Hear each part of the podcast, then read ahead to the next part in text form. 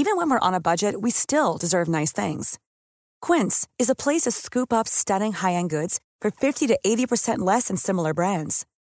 They have buttery soft cashmere sweaters starting at $50, luxurious Italian leather bags, and so much more. Plus, Quince only works with factories that use safe, ethical, and responsible manufacturing. Get the high-end goods you'll love without the high price tag with Quince. Go to quince.com/style for free shipping and 365-day returns. Då öppnar vi skåpdörren och här inne sitter Cecilia Blankens från Enebyberg. Hej Sissan! Jo men hej Peppe, jag är ju inte från Enebyberg, men jag sänder ju från Enebyberg. Jag vill bara säga det för att jag är envis med att ingen någonsin ska få tro att jag är stockholmare, fast jag har bott här i 20 år. Men du måste ju säga varifrån du är. Var Jaha. finns dina rötter Ja, det kan jag faktiskt knappt svara på. Jag är från Västergötland. Jag är västgöte. Verkligen västgöte. Det är där i hjärtat är jag det. Men jag älskar Stockholm också. Jättemycket. Och Los Angeles. Ja, jag är från många ställen. Ja, det får man Mm. göra. Älska världen. Eh, Johanna Svanberg, direkt från Vasastan. Hallå! Goddagens! Det känns som att vi är med i ett tävlingsprogram nu. Ja. Jag vet att vi brukar göra så här, men det känns ändå så.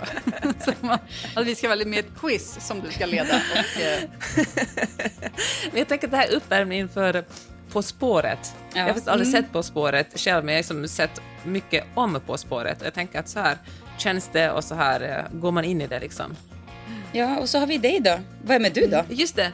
Jag heter Peppe Öhman och jag kommer från Helsingfors men bor sedan nästan tio år tillbaka i eh, Santa Monica utanför Los Angeles.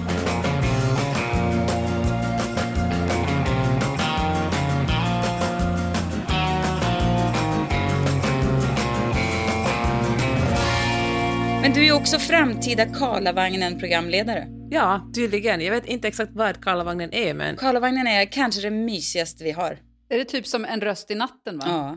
Det är ett program som sänds på Sveriges Radio P1 gissar jag.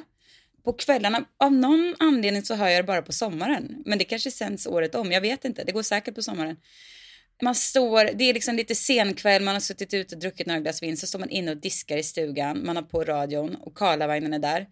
Program, folk ringer in och det brukar vara något tema, det kanske är, det kan vara allt från så här hjärtesorg till eh, konstig sak jag har fraktat i min bil. Så ringer folk in och det är liksom allt från Gertrud till Micke och pratar och programledaren är så här, ställer följdfrågor och liksom skrattar med och tröstar och peppar. Och det är alltid så här fina historier i det lilla och eller programledaren är bara liksom där och det är så tryggt och det är så ljuvligt och underbart och jag älskar Karlavagnen så mycket. Drömmen att ha... Tänk om man kunde lösa så att vi kunde ha folk som ringde in till oss. Ja. Ja, Vad kul det vore. ja, det vore underbart. Vi försökte och för sig det, på, fast det är, ju, det är ju en annan sak att få en ljudfil skickad. ja, vi tycker vi borde försöka på det igen. Det är ju jättefint Ja. att höra folks röster. Det blir en annan sorts frågor än om man skriver in dem. Mm. Men jag tänker på det där att, eh, att om man är ensam och vill få lite mänsklig närhet, det är ju otroligt fint att kunna ringa in någonstans och få svar på sin fråga eller få berätta någonting om sig själv. Ja. För det är väl ändå det mänskligaste som finns är att uh, vilja bli sedd och bekräftad som människa. Ja. Jag lyssnade på en intervju med Roxane Gay som är en stor uh, feministikon här i USA. Och uh, hon får väldigt mycket hat på Twitter för att hon är, inte nog med att hon är feminist, hon är också lesbisk, svart och tjock. Och uh, så, att hon, hon, så ni kan föreställa er liksom Ja. hur provocerande hon är. Och Heter hon gay också? Alltså heter hon gay? Ja, Hon heter Roxane Gay, Jätte, författare hon också, skriver jättebra böcker.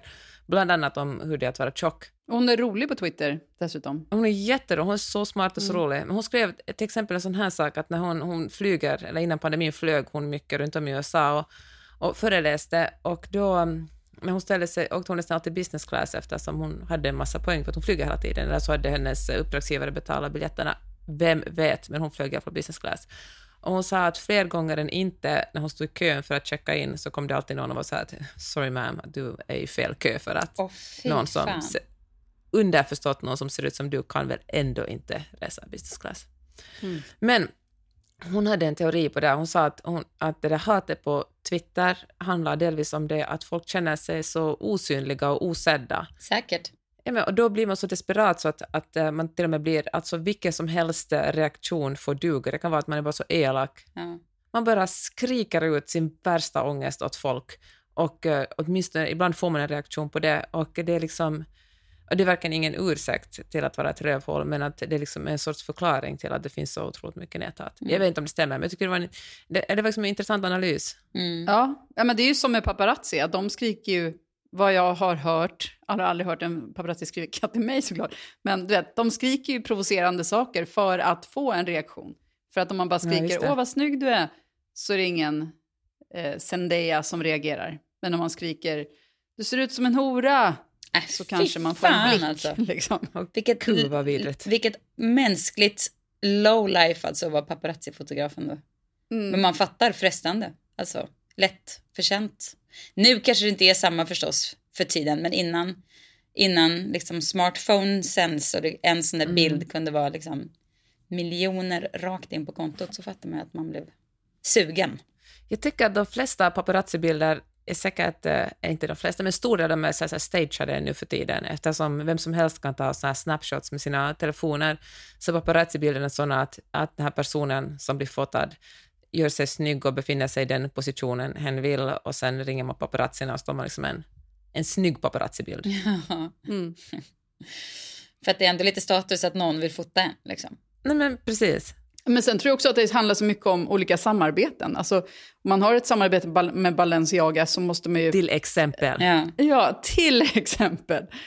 Då ska det tas bilder när man går ut från sitt hotell och då gäller det att någon har förvarnat att ja, klockan mm. 10.45 så kommer de lämna hotellet. Men tänk om jag kunde, det kunde göra något för mitt varumärke här i Enebyberg. Om jag liksom kunde få mina barn, jag kunde bara flytta på er. Och de stod och bara det ser ut som en hora när jag går in på Coop. så reagerar jag och de tar en bild och, och känslan är att jag har så mycket. För sig, kanske avslöjad bara att det är barnfotografer. Jag måste hyra in riktiga fotografer. Så att få ett rykte om att jag har paparazzis efter mig. Men på tal om eh, Sveriges Radio så finns ju också, alltid när Per har kört bilen så är det P1. Ah, jag brukar lyssna på P3 ofta. Och då är det ändå ganska mysigt, för det är något väldigt, väldigt tryggt med de här, med Sveriges Radio överlag. Alltså de här väldigt lugna, sävliga, det kommer något program. Och sen klockan 12 är det ju tolvslag, alltså då slår det ju klockan 12. Jag kan inte beskriva min känsla när jag hör den. Jag vill, jag vill liksom gråta av sorg och glädje på samma gång. Melankoli gissar jag. Över alla människor som sitter hemma och bara noterar att nu är det tolvslaget, ännu en dag har gått, så här ensamma pensionärer som hör det här och liksom livet kretsar kring ännu ett tolvslag. Men också för att det är så fint att Sveriges Radio har tolvslaget. Men vet du vad, exakt samma sak känner jag hemma i Finland när jag hälsar på min mamma och pappa för den delen också. Där är också radion på och där kommer också tolvslaget. Mm. Och jag känner samma melankoli. Ja. Att det är så, något som alltid har funnits. Det, liksom det sliter sönder mig alltså. Hur kan man bli så berörd av det? Ja. Även förstås, men det är ju mer rimligt. Men eh, Alltså sjörapporten. Sydost 6, 2, 3. I västra Kvarken 3, 0, 3. Utanför Holmögadd i nordost 6, 7, 2. Det är ju helt sjukt. Då gråter jag varje gång. Och jag kan ja. inte förklara varför jag blir så uppriven alltså. Men, men när de är så här, no, så här, oh, så här platser som man bara är så här, vem, hur många kan det här vara aktuell information för? en, alltså tre, fyra personer kanske. Ja. Men det är väl jättemånga som är i närheten av eh, hav? Är i närheten av hav. Det är ju så här norra ja, kvark. Folk som bor i skärgården eller ska flyga, jag vill säga, åka båt till Gotland eller bor på en ö eller... Jo, men det är så remote platser. Man har ju inte ens hört talas om där. Det här är ju liksom... Och men det är väl så... själva mätstationerna bara? Jo, okej okay då. Det är möjligt. Men jag vill ändå påstå att det är alltså sändas över hela... Men jag, alltså det är så fint att man gör det och jag älskar att lyssna på det. Och sen när jag vill riktigt kliva ner i den känslan, då lyssnar man ju på den här låten som verkligen inte, alltså den är ju, jag, jag vet inte, den går man ju också Vadå sönder av. Eh, den som heter, eh, ja men du vet, na, na, na, na, det är då som det står, när de beskriver alla platser i Sverige. En kusttanker som stampar genom drivisen i Kvarken ett träningspass på Ullevi i dis. När, när te alltså texten är så här. En kusttanker som stampar genom drivisen i Kvarken, ett träningspass på Ullevi i dis. Gränsstationen i Tornio, en gumma på en spark, landsortsfyr där snöstormen drar in. Tät snö som gloppar i Mariabergets backar, hett och svett på Statt i Härnösand. En tradare i snörök mellan Kiruna och fjärran, fläntande ljus i Visby hamn. Det är då som det stora vemodet rullar in. Har ni inte hört den? Va? Nej, vi gjorde det nu. Jag älskar den där rapversionen i början. Nej, men jag kan ju inte sjunga låten, jag fick ju läsa den. I Malmö rispas dimman av färjornas sirener och på andra sidan sundet börjar världen. Alltså det är sån här ned... eh, Man ramlar ner på olika platser i ett jävligt novembergrått Sverige. Sjung det där igen! Det då som det stora vemodet rullar in. Men Jerry Williams har gjort den också. Det har han gjort av massor med olika personer. Jag vill påstå att den har blivit utsedd till typ så här den Sveriges liksom mest eh, otroliga låt genom tiderna. Eh, Och sådär. jo! Okej, ja, men alltså jag har hört själva refrängdelen tror jag. Ja, men lyssna på texten. Lyssna på den och gråt alltså. Ja. Den är sjuk. Det är liksom fångar exakt alltså den här känslan, vemodet, på ett sätt som, som, som, ja, går inte att jämföra alltså. Men Johanna, vad gör dig vemodig? Finns det något som motsvarar det här i ditt liv? Oj. Inte som jag kan liksom sätta fingret på sådär lika exakt som Sissan, men gud ja. Alltså jag tycker man kan få, men du vet, vårfåglar till exempel. Eller så här, Oh. alltså det är ju, Låt oss prata mer. ja, jag borde inte sagt ordet fåglar, det borde, vara, det borde finnas en spärr för att säga ordet Triggar. fåglar. Ja men ni vet så här, majkvällar, allt Åh. möjligt. Augustikvällar då, det är ju helt sjukt. Ja det också. Nej, men det är helt sjukt. Ja, augustikvällarna, de, ja. Ja är det är mycket. Du då Peppe? Vad har man att bli vemodig för i LA egentligen? Där allting är så soligt! Jag tänkte faktiskt säga att jag har verkligen lurat bort augusti-vemodet genom att uh, oftast dra till LA när det verkligen sätter in. Men att åka till LA är väl ändå vemod? Alltså vara så här, farväl. Ja, ja men de sista dagarna innan man ska åka, alltså jag, jag, den känslan är så fruktansvärt hemsk. Den är så, då tvivlar man på allt eh, i livet. Men säkert så fort vi landar på LAX så är jag att, åh, gud vad skönt att vara här igen. Uh, Okej, jag har två saker. I Finland, när det är skolavslutning, sjunger alla Den blomstertid nu kommer. Mm. Då kickar någon sorts vemod in i mig. Ja. Ja det är ju, Och- absolut. Samma i Sverige. Samma låt i Sverige. Fast nu har man inte fått höra den på flera år Nej. eftersom inga Jag har skolavslutningar. aldrig fått höra det. Jag har aldrig varit på en enda skolavslutning med mina barn. Va? Nej, men vi flyttade ju innan de, liksom, just amerikanska skolavslutningar är ju piss. Det är ingenting. Det är bara hej då. Inte knappt ens. Det är ingen stämning så. Så då har man bara längtat, åh, ska man hem och då bara nej, det blir corona, fick man inte det heller. Fortfarande Och då inte. var corona första året som ni kom hem? Ja, Det var så. det. Otroligt. ja, så jag har knappt ens levt i Sverige utan corona. Okej, jag har en till, en till sak. Alltså böcker jag gråter till är Vem ska trösta knyttet av Tove Jansson. Otroligt sorglig. Men så finns det en bok som jag hade glömt bort som, alltså en, som en ganska ny som Maj-Lis kom häromdagen och ville jag skulle läsa, men jag kunde inte läsa den för jag grät så mycket. Men det är en bok av Ulf Stark och Linda Bondestam som heter Min egen lilla liten och handlar om en grå varelse som bara som bor i en grotta som inte kan komma ut på dagen för att den tål inte ljus. Men så en dag så träffar den en liten gnista ljus och, blir, och så börjar, tycker de om varandra jättemycket.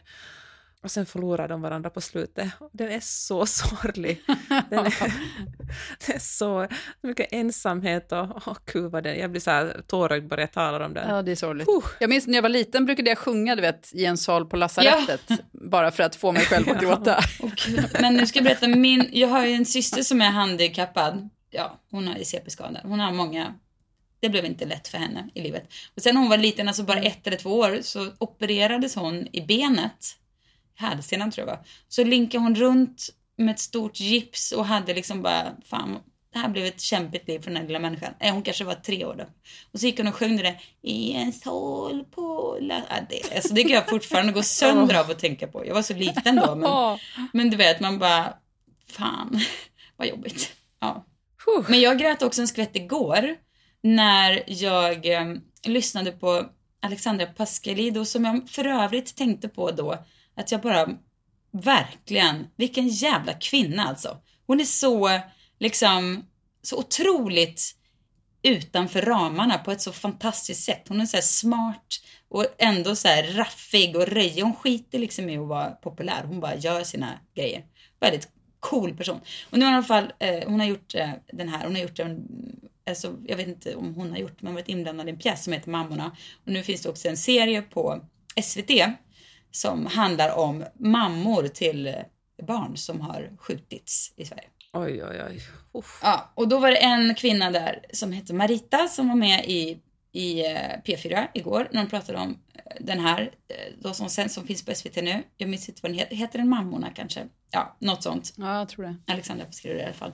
Som har gjort hela projektet. Ehm, Och då när mamman då berättade om sin son Marley som sköts eh, 2015. Hur han eh, var liksom, nej, han var glad från sekunden han föddes och han liksom pratade med alla, hon beskrev honom så, hon var så glad när hon beskrev honom. Det var som att hon bara, att han fortfarande levde liksom. Det var som att hon inte, och sen, nej men gud då grät jag så mycket bara och så här, att en människa en människa som är sån här, du vet det var 700 personer på Marleys begravning. Alla i Farsta där de bodde visste vem han var. För han var en sån som snackade med alla med A-lagarna på parkbänkarna. Han var liksom alltid en sån här poppis person. Ja, och då kände jag att jag måste se den här, men också så här, hur fan ska man kunna se den? Jag känner, alltså jag, bara när de pratade om serien så blev jag liksom helt förstörd av gråt. Jag förstår det. Alltså, vissa saker måste man ibland undvika för det blir för mycket. Fast samtidigt kändes det så viktigt att förstå det här våldet på den nivån. För det är för mig lite för lätt att hålla det liksom la la la la la. Lite för bekvämt att hålla det. Så jag kände att jag måste ändå göra det för att av respekt för de som drabbas på något sätt. Mm. Jag har en kompis som eh, regelbundet kollar på sorgliga filmer för att hon tycker att det är så skönt att få gråta ut, få gråta ut kring någonting som inte är på riktigt. Ja. Att verkligen känna känslan Mm. just då och sen eh, ja, men bara gå vidare för att eh, det inte var, det var liksom, det var bara hittepå. Ja, men det är ju underbart. Har ni sett eh, My Girl, heter den va? Ja. Gamla Macaulay Ja.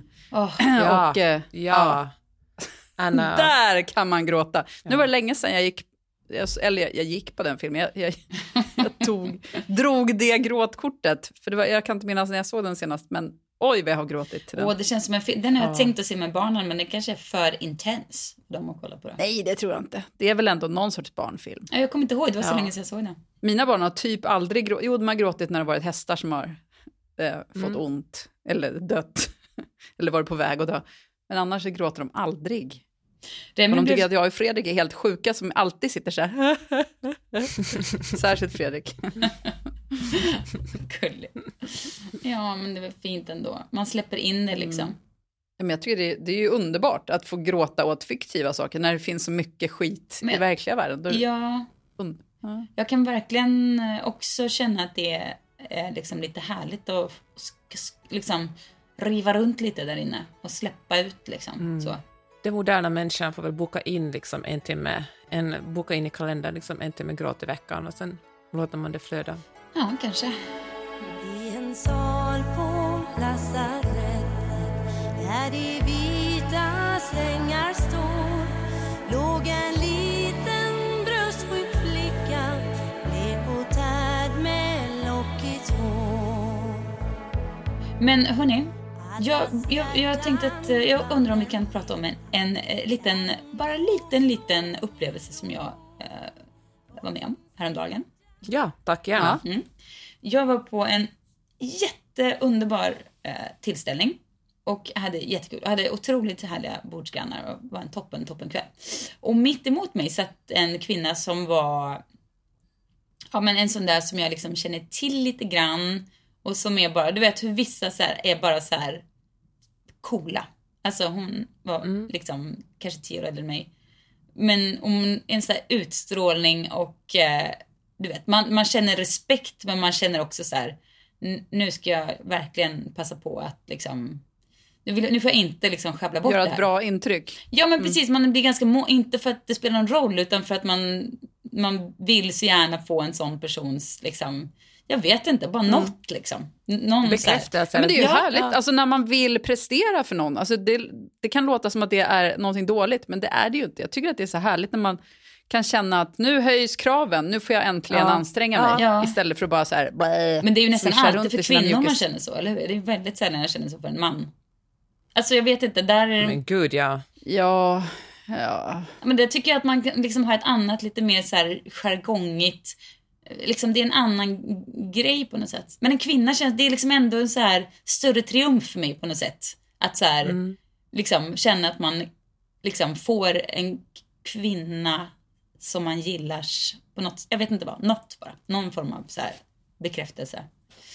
I alla fall. Och då så ska man, när det ska slås ner så skulle jag liksom bara artigt hälsa på de som satt bredvid. Och det var ändå så här, ja, det är ju lite så här oklart hur man gör nu med så här corona, om man hälsar och så. Men vi var ändå vid samma bord och så här, så jag tänkte att, ja, vi, vi kommer ändå sitta här så att vi hälsar väl sådär som vanligt. Det känns lite som att man, det här med att liksom hälsa med fötterna och så här, det kändes liksom lite konstigt att börja med det också.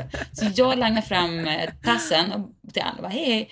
Och hon var så här, eh, nej jag hälsar inte, jag tar inte i hand, sa hon. Eh, och det fick man bara, ja nej nej okej hej hej. Och så fick man liksom presentera sig, så här, ja men jag är Cecilia. Så här, det var ju ingen, det var ju liksom ingen biggie förstås.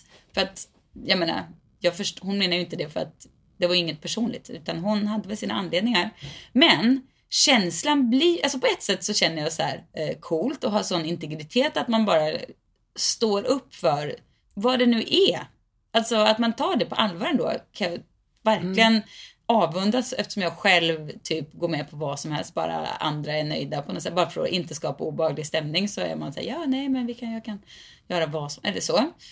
Men samtidigt så, känn, så blir, blir det ju att hon förstås inte medvetet gör ju att jag blir ju liksom lite skammad som att jag har gjort något jätteklumpigt. Liksom. Ja, men jag, och jag tänker också så här, du skulle också uppfatta det, du skulle inte ha samma förståelse. Tänk dig att hon var en kille Ja. som inte du var superimponerad av och som reagerade på det sättet. Då hade du tyckt att det vore helt idiotiskt. ja, kanske. Eller hur? Vet, Alltså om man ja. tänker nu pandemin är över, alla är vaccinerade, da da da. Alltså jag tänker att nu sitter du och ursäktar hennes beteende som att det var så här, men så får man, alltså det är klart man får vara så, det är klart man inte måste skaka hand med alla, det tycker jag verkligen inte. Men jag tänker att du har väldigt mycket mer förståelse för henne bara för att hon är någon som du vill tycka om. Men det beror ju också på hur man säger det, om man skämtar bort det själv och sådär, men förlåt, jag är så hypokondrisk. Jag, jag får panik av att ta hand just nu för det är pandemi och ni fattar. Det är väl en sak, men att bara så här iskallt säga nej, jag tar faktiskt jag tar inte hand. Nej. Det får ju en att känna, känner man sig som en idiot som håller Jo, sen- men, jag, ja. jag, jag kom verkligen över det för jag kände så att jag kan absolut inte, alla har väl sina liksom, anledningar att göra som de gör. Och det, så var det, jag menar, man, man kanske inte säger det om man inte av, har sina egna starka skäl.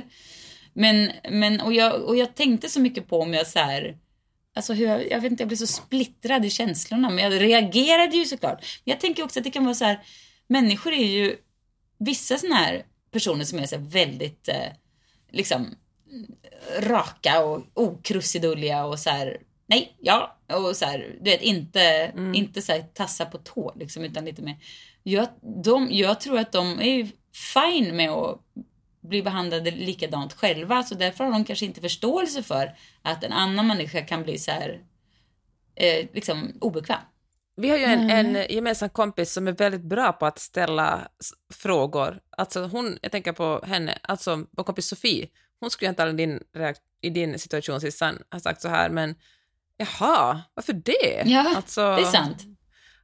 Och eh, jag tycker det är så befriande med henne för att i början tycker jag att när jag lärde känna henne verkade lite så här, verkade hon lite kantig och liksom, man jag tänkte när hon ställde sådana frågor att att ja, men det, för det var för att jag kommer ihåg vi satt och vi var på fyra Thanksgiving i Yosemite Mm. något år och satt vid bilen och, och snackade feminism och eh, du och jag var ganska överens om någonting och hon var så att nej men vad säger ni, jag fattar ingenting. Ja, Och uh, då menar hon det verkligen, alltså, kan ni förklara vad ni menar? Men hon sa det på sånt sätt som lätt kunde tolkas som är ni helt dumma i huvudet? ja. Men eh, när man lär känna henne så fattar man att nej, när hon ställer sig frågor så är hon verkligen genuint intresserad av hur man menar. Mm. Och det uh, mycket fint drag, jag gillar det. Verkligen, men kan det bli att man är lite rädd? Alltså det är ju verkligen en bra lösning på en sån grej. För då får man, men det är också lite, kanske lite ett övertramp. För att en person ska väl, måste man liksom, då kanske man får tillbaka bara, Förklara sig. ja eller det, det, kan jag, det är tyvärr inte din ensak. Jag vet inte, då kan man få något sånt där tillbaka. Och det känns ju också lite konstigt kanske.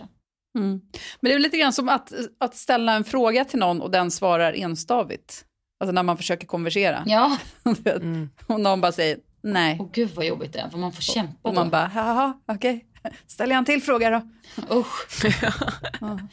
Men jag, jag pratade med min Ja. eh, ny, nya kollega Monica om det här handhälsandet idag. Jag vet inte, det bara kom upp.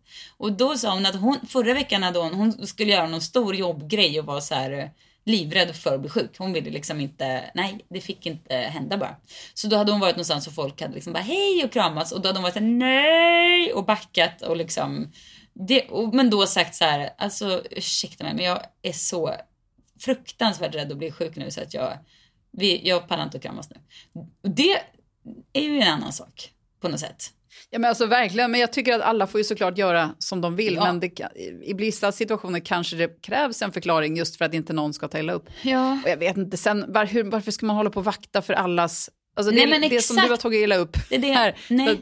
det får man också känna, där, äh, skitsamma. Ja, Verkligen, precis. För vad är man för person som skulle bli kränkt av en sån sak också? Då är man ju väldigt Ja, känslig. men exakt. Det är väl egentligen, alltså det, jag reagerade egentligen, min första känsla var liksom bara faktiskt så här, alltså att det, att det kanske är för få personer som har den sortens integritet. Att man vaktar sig, att man liksom, jag kanske inte heller gillar att liksom kramas med folk, men jag gör det snällt och lydigt ändå. Jag kanske borde, man kanske bara borde vara så här, tack för erbjudandet, men alltså, jag, det känns, alltså, Men det tycker jag var rätt skönt när pandemin kom, att man slapp, alltså för att som tjej, tror jag man, eller kvinna, så är det så ofta som man ska himla krama folk hela Ja. tiden. Alltså sådana som man kanske inte vill krama, men bara för att, du vet, där män skakar hand, mm. och så plötsligt ska man själv kramas med... Ah, tycker jag har varit bra. Nu har det varit lite utrensning i kramandet. ja. Ja, vad är det förresten, att män ofta skakar hand och kvinnor ska kramas? Var, varför är det kulturellt liksom, ja, men och att mer kvinnor också okej? behöver krama alla män. Det tycker jag är det Ja. värsta. För att tjejerna jag väl inga... Men jag vill inte krama alla. Eller nu låter jag som att jag är emot kramar, det är jag inte heller. Men, men I jag tycker att princip. utrensningen behövdes. Den har funkat bra. Nu har jag en till parhistoria som ligger och puttrar, men jag kan redan ha berättat Okej. om den. Nej, men Men den. jag kan dra en annan apropå sådana här saker att, Ja. att, saker att göra eller inte göra. Mm. Träffade en kompis på stan som sa att hennes mamma hade gett henne rådet, ibland får man bara ställa upp i, äkten, alltså i äktenskapet. Om man ska ligga även om man inte vill, var mammans råd. Jaha. Och det, och det, dels kan man tycka vad man vill om det. Dessutom känner jag så här, om min mamma hade sagt något sånt till mig, då hade jag kräkts rakt ut. Jaha, du vill inte att hon ska prata med dig om det? Jag skulle aldrig säga något sånt till min dotter, eller mina döttrar. Alltså jag skulle i och för sig gärna ha en relation där jag kunde säga så till mina barn. Alltså som vuxna, inte nu. Ja, men vad är det för sak att säga ställ upp fast du inte vill? Är det Nej. själva innehållet? Jag tänker att alla sex, ja, men att säga ställa upp eh, fast den du inte vill, nej. Så, om, som mamma. Nej, men jag tycker så här, alltså, om man, jag menar inte att det behöver vara en plåga att, att, att ställa upp, eller liksom, det är bara orden som jag tycker är Ja, det är lite kanske... jobbiga som, som antyder någonting som är så här, ja men vadå, ska jag inte vilja också? Men jag kan, i och för sig, jag kan i och för sig absolut tycka att det finns en liten poäng ändå. För, alltså det beror ju såklart ett på förhållandet. Men också att det kanske inte är, att det får ju gå both ways förstås. Det får inte vara bara att en ställer upp på den ena, alltså den andra, alltså den andra Exakt, men och för det tänkte jag på också, att för det, är väl, alltså det, här, för det här hör man ju ibland om att tjejer uppmanas att ställa upp. Men hur ofta hör man killar få den uppmaningen? Men jag tror också att, alltså, jag, jag, förstår, det, alltså jag förstår också, det kanske ibland är man inte supersugen, men sen man väl ligger så är det ganska kul, liksom, när man kommer igång. Ja. Det där motståndet man känner inför allting, att alltså bara ta sig ut, upp ur sängen på morgonen, det kommer bli okej var man kommer. Eller det, blir okej att gå ut på middag, men det lilla motståndet man känner precis innan man ska lämna Ja. sitt hem. Man kanske- Okej, jag trycker, sak. jag trycker räck på micken, men det är inte kul när jag gör det inför poddinspelning. Man kanske bara ska, varje, varje morgon när jag väcker Rio som är någon slags så här tonårs, jag vet inte, så är hon bara nej. Man kanske ska ha det liksom. bara börja varje ligg med nej och sen kommer man över det. Blir det bra ändå. Men sen tycker jag det finns någonting i det att kvinnor alltså hela vår kultur uppfostrar kvinnor att vara så jävla behagfulla hela tiden och ställa upp det som du tal- sa om sist, att man ska kramas och, och skaka hand med folk och vara så här fysiska, trots att man kanske känner att jag vill inte riktigt. Jag tänker att det, att man ska ställa upp med att ha sex med folk, eller sin man då, att, att, det finns, att det hänger ihop på något sätt. Att kvinnor ska vara lite mer tillgängliga och behagfulla och män har ett större, ja men, de har större utrymme att säga nej när de inte vill göra någonting. Ja, kanske, fast det känns ju också som att Mm. män har massor med konstiga så här, liksom, förväntningar som de gör med si- sina killgäng och det ska liksom pratas och på skrattas på ett visst sätt och göra så här tuffa svensexor fast ingen gillar det och ah, Ja. Ja, men det tror jag också. Men, men jag tror ändå att män har liksom inte... Alltså just det där att vara, vara lite härlig, liksom slipper män. Alltså jag tror verkligen att som mansrollen tror jag är mycket högre krav på många sätt än kvinnorollen.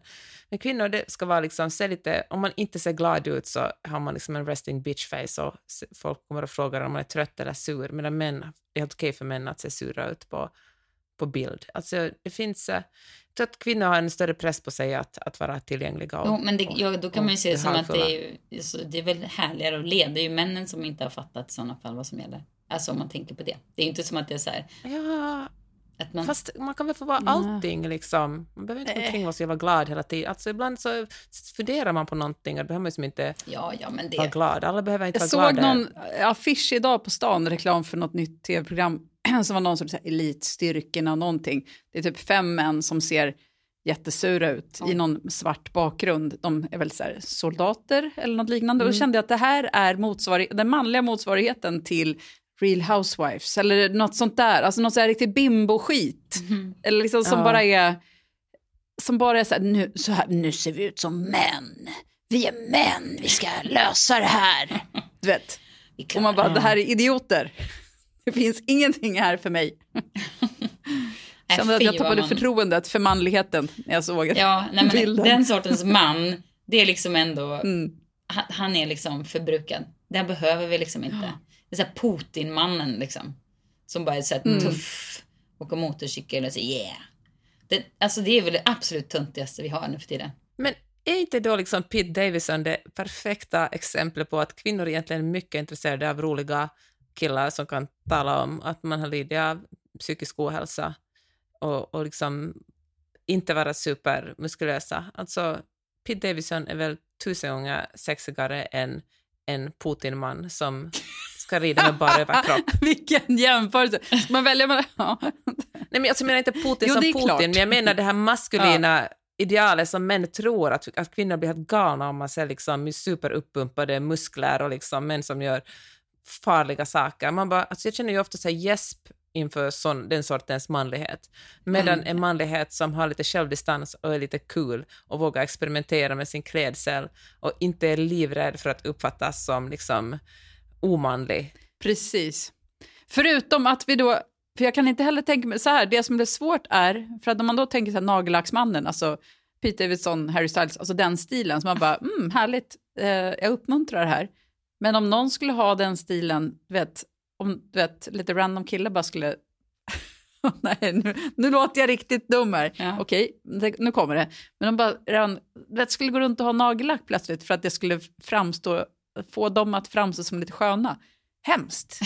Kan inte tänka mig något värre. Då tar jag hellre Putin-mannen. Va?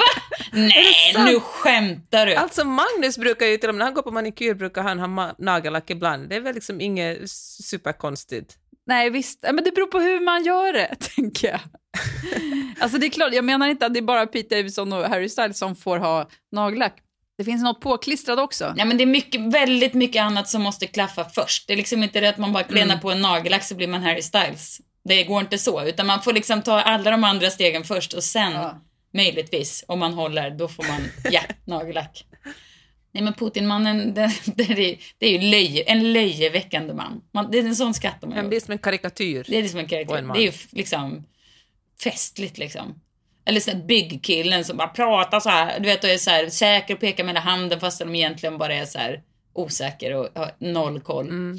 Men också den här liksom, ja, den här lilla mannen som försöker för mycket. Det är inte heller bra alltså. Ja, jag vet, det är inte lätt för dem. Inga, de får bara lägga ner. Ja.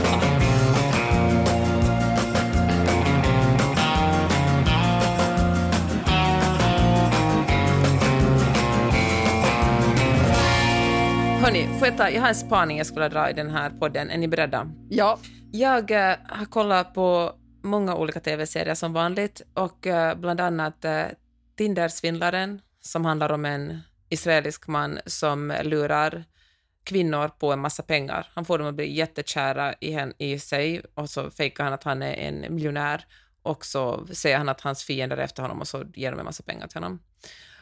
Och så har jag kollat på den här uh, Inventing Anna som handlar om uh, Anna Sorokin, en, en kvinna som flyttade från Ryssland till uh, Tyskland när hon var barn, åker till uh, New York och uh, låtsas att hon är en uh, jätterik tysk arvtagerska och hon vill bygga det nya, mycket sexigare Soho House mitt i, i New York.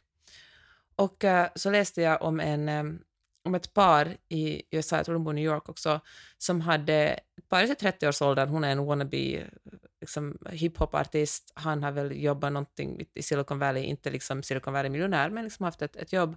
Och de hade tvättat bitcoins, för, eller olika kryptovalutan, det kanske inte ens bara var bitcoins, för miljarder, alltså sinnessjukt mycket pengar. Håller på sedan 2016 och bara tvätta pengar. hur, förlåt, men hur, hur gör man det? Hur tvättar man bitcoin? Jo, det ska jag berätta för dig, Johanna. Att man, Finns det en enkel förklaring?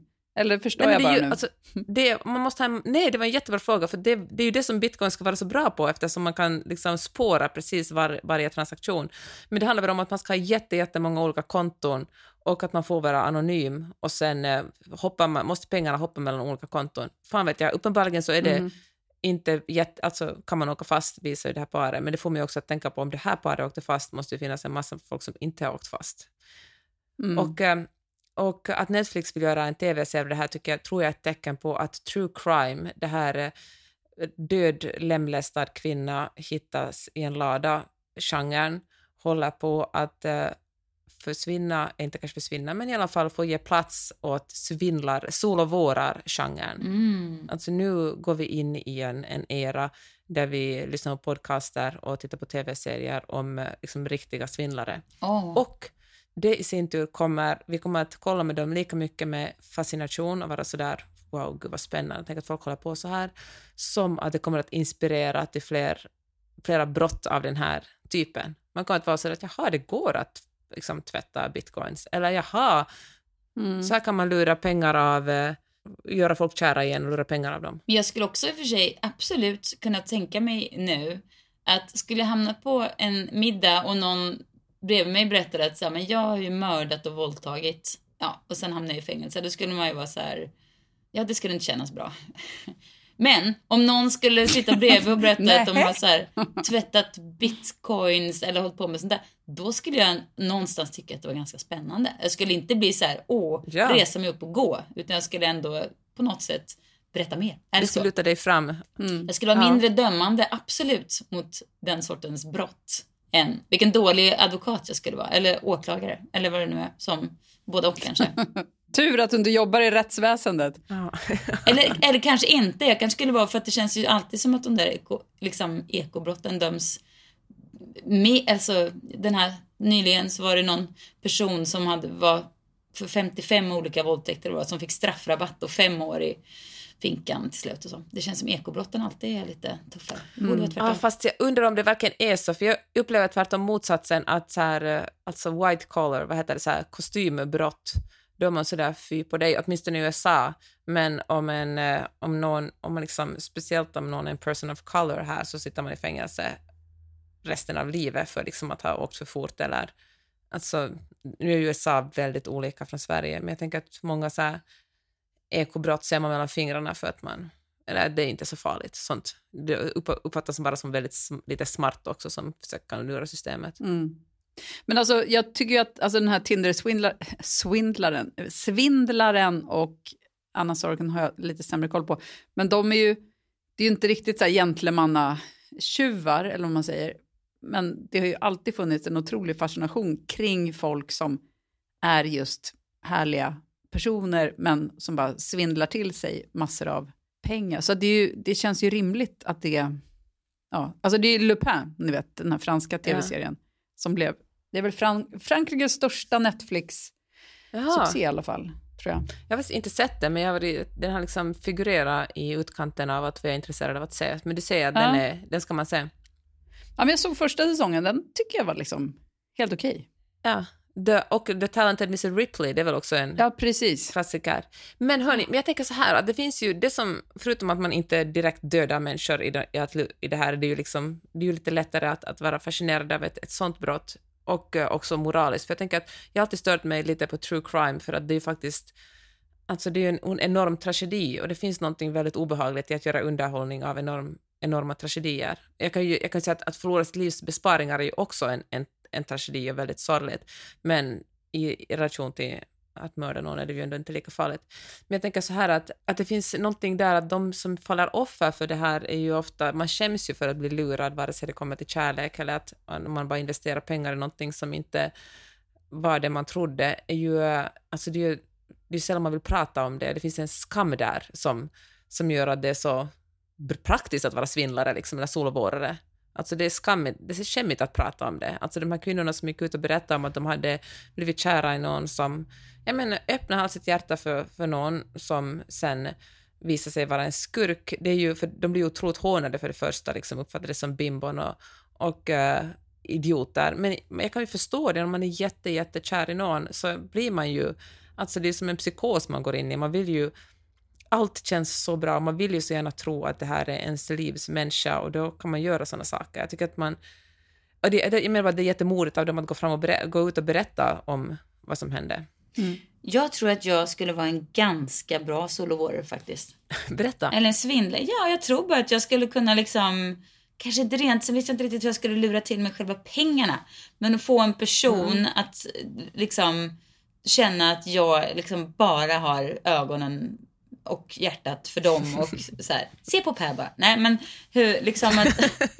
nej, men det, jag vet inte, jag tror att jag, kanske inte nu då, men ja, jag hade nog klart. Jag tror att det, om det är något brott jag skulle kunna vara hyfsat bra på så skulle det vara att kunna lura pengar av folk. Nej, men jag tror jag ska vara otroligt dålig på det. Jag har liksom bara en personlighet. Alltså jag kan inte... Manipulera. Ja, jag är väldigt dålig på att manipulera folk, tror jag. Alltså, jag tänker att Magnus, min man, han är verkligen så här kameleont. Han kan smälta in i vilket sammanhang nästan som helst och liksom tycka att det funkar. Men jag tror att jag är mer fyrkantig än han. Jag, jag kan bara smälta in i det här sammanhanget. Liksom. Jag tror jag skulle kunna vid ett tillfälle, men jag skulle, sen skulle jag tröttna. Alltså jag skulle vara bra på att solvåra någon om jag var på rätt humör en kväll. sen, sen skulle jag inte kunna slutföra det. Det kan du inte göra en karriär på. Jag skulle ledsna. Men du, tänk vad kul att bara komma på det perfekta brottet. Ja. Fast nu har jag liksom klurat ut hur man ska kunna liksom bara tömma banken på pengar. Och göra det med sina kompisar. Alltså jag tänker Oceans, vi är Oceans 3. Ja. Fatta vad kul att bara planera in i minsta detalj. Och så skulle man vara så här Jönssonligan typ, fast lite bättre. Men ha så här, du vet, tänkt på varenda detalj och så kommer det så här en kattunge gående över gatan i exakt Ja. rätt tid. Okej, här kommer mitt tips. Det kommer vara, det är, är det inte fåglar så är det ju någonting riktigt banalt som jag tipsar om. Så, jag håller mig till den linjen helt enkelt. Och jag har ju, eh, varit, alltså, jag, man blir ju, börjar man kolla på Love is blind så blir man ju besatt för att det är så äckligt. Men det är också eh, amerikanska liksom ursprungs Love is blind. Det handlar ju alltså om att det är ett gäng killar, ett gäng tjejer som får dejta varandra i olika pods. Så här. Och de får inte se varandra, men sitter och snackar. Jag gillar väldigt mycket att det är så här. Det är inte formaterat utan det är liksom lite folk som vissa försvinner bara, man vet inte vad som händer med dem och så här. Vissa liksom hänger man kvar i och sådär.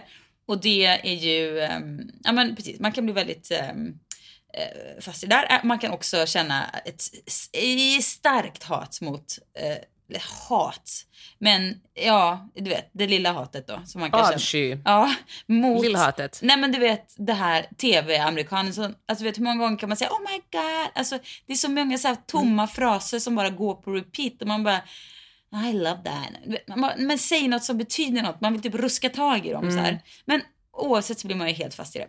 Ja, så när det blev stopp på det för att det, nästa avsnitt sen, ja det känns, nu spelar vi in precis Ja, det kanske kommer ut ikväll, jag vet inte. Men det, det i alla fall var några, en lucka här några dagar emellan. Fick jag ju ge mig på Love is blind Japan. Ja, jag skulle, ja. Nej, då vill jag ju bara, det tycker jag ni kan passa. För det var som att glida, det var som verkligen kliva tillbaks till 50-talet eh, vad gäller liksom jämställdhet Nej. och eh, det, var så, Mhm. det var så stelt och det var så konstigt och de kunde bara fokusera på utseende om hur jobbigt det var att om den inte var fin eller hon inte var snygg eller han, båda, både killarna och tjejerna. Och det var väldigt mycket, jag vill bara ha en kvinna som ska, hon ska få, måste vara i köket och ja, det var väldigt, väldigt, alltså otroligt. Alltså det var verkligen som att det var, det var som det var 50-tal i liksom könsrollsdiskussionerna. Helt sjukt. Jättetråkigt också. Vänta, jag håller, jag håller inte alls med om det. Va? Herregud, alltså jag tycker de var så mycket mer respektfulla. Sen håller jag med om att vissa av männen verkligen, man, alltså den japanska kulturen är extremt mycket konservativare, men jag tycker att kvinnorna ändå var så chockerade över att den ena snubben ville att de bara, varning, den här killen vill bara att vi ska laga mat och stanna i Ja, ja. köket. Nej, men absolut. Det fanns, men det var ändå att de här diskussionerna ens fanns. Gjorde att jag tröttnade för det kändes så här, jag orkar inte höra på det. Hoppade över på Love is blind Brasilien. Och det är här mitt stora Oh. tips kommer. För Love is blind, jag har inte sett eh, färdigt än, bara sett några första avsnitt. Piskar ju mattan med både Japan och USA. Otroligt bra! Fruktansvärt coola tjejer. Och de, de sitter i några så här otroligt små jeansshorts. Inte för att de är liksom så här bimbon utan för att de är brasilianare helt enkelt. Och eh, killarna är ju såna här, de är skydivers och sånt där. Och det är så roliga, bra, det är underbart helt enkelt. Alltså, och så man får höra portugisiska också, jätteläckert. Alltså, jag vill tipsa er om Love is blind Brasilien. Varsågoda, det är underbart. Tack. Ah, Peppe? Tack. Ja. Jag vill eh, tipsa om Severance som är en ny Nej, serie nu sa du på- det jag skulle säga. Jag, jag visste det. Förlåt. Okej, men det här vara vårt gemensamma tips. Jag ser Ja. början, du ser slutet. Adam Scott spelar en eh, person som jobbar på ett företag, men det här grejen är det här, på det företaget, när man stiger in på det, då kan man bara komma ihåg saker som händer på företaget. Då liksom vet man ingenting om sitt privatliv, vem man är utanför företagets fyra väggar. Och när man har avslutat dagen och går hem, då har man ingen aning om vad som händer på företaget, utan då vet man bara att man jobbar på ett ställe och ingen aning vad man gör eller vem man jobbar med eller hur man är där. Och, eh, och det är något skumt med det här företaget. Johanna, över till dig. Mm. Det finns väl bara ett, eh, är det, tre avsnitt ute än så länge. Vart, vart tittar man på det? Apple TV. Ah. Eh, men jag, jag tänkte på, för att den är ju på ett sätt lik den här serien Enlighten som jag har pratat om tidigare med Laura Mm, Dern, alltså mm, som är Mm. White Lotus-killens tidigare skapelse. Ja.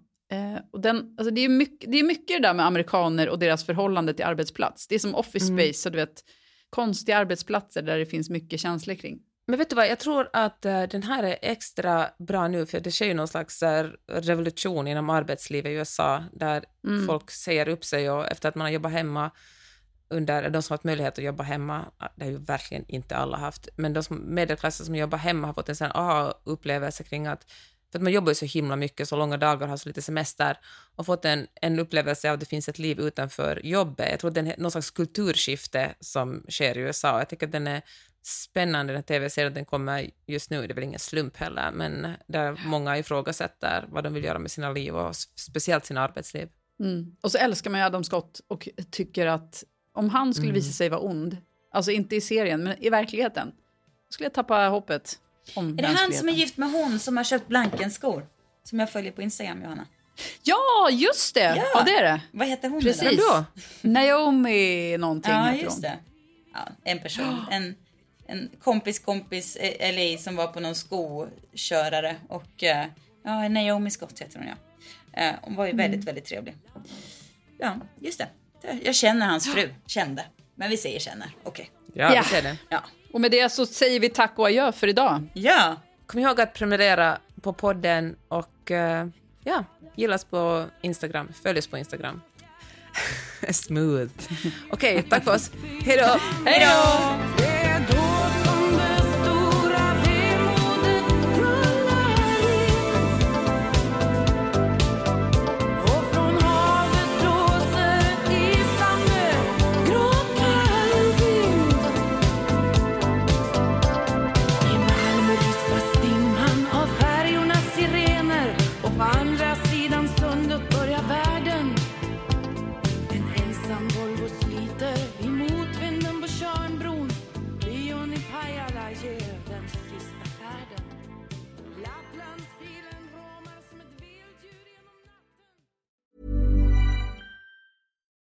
it's Paige DeSorbo from Giggly Squad. High quality fashion without the price tag. Say hello to Quince. I'm snagging high-end essentials like cozy cashmere sweaters, sleek leather jackets, fine jewelry, and so much more. With Quince being 50 to 80% less than similar brands. And they partner with factories that prioritize safe, ethical, and responsible manufacturing. I love that. Luxury quality within reach. Go to quince.com slash style to get free shipping and 365 day returns on your next order. Quince.com slash style. Even when we're on a budget, we still deserve nice things. Quince is a place to scoop up stunning high-end goods for 50 to 80% less than similar brands. They have buttery soft cashmere sweaters starting at $50, luxurious Italian leather bags, and so much more. Plus, Quince only works with factories that use safe, ethical, and responsible manufacturing. Get the high-end goods you'll love without the high price tag with Quince. Go to quince.com slash style for free shipping and 365-day returns.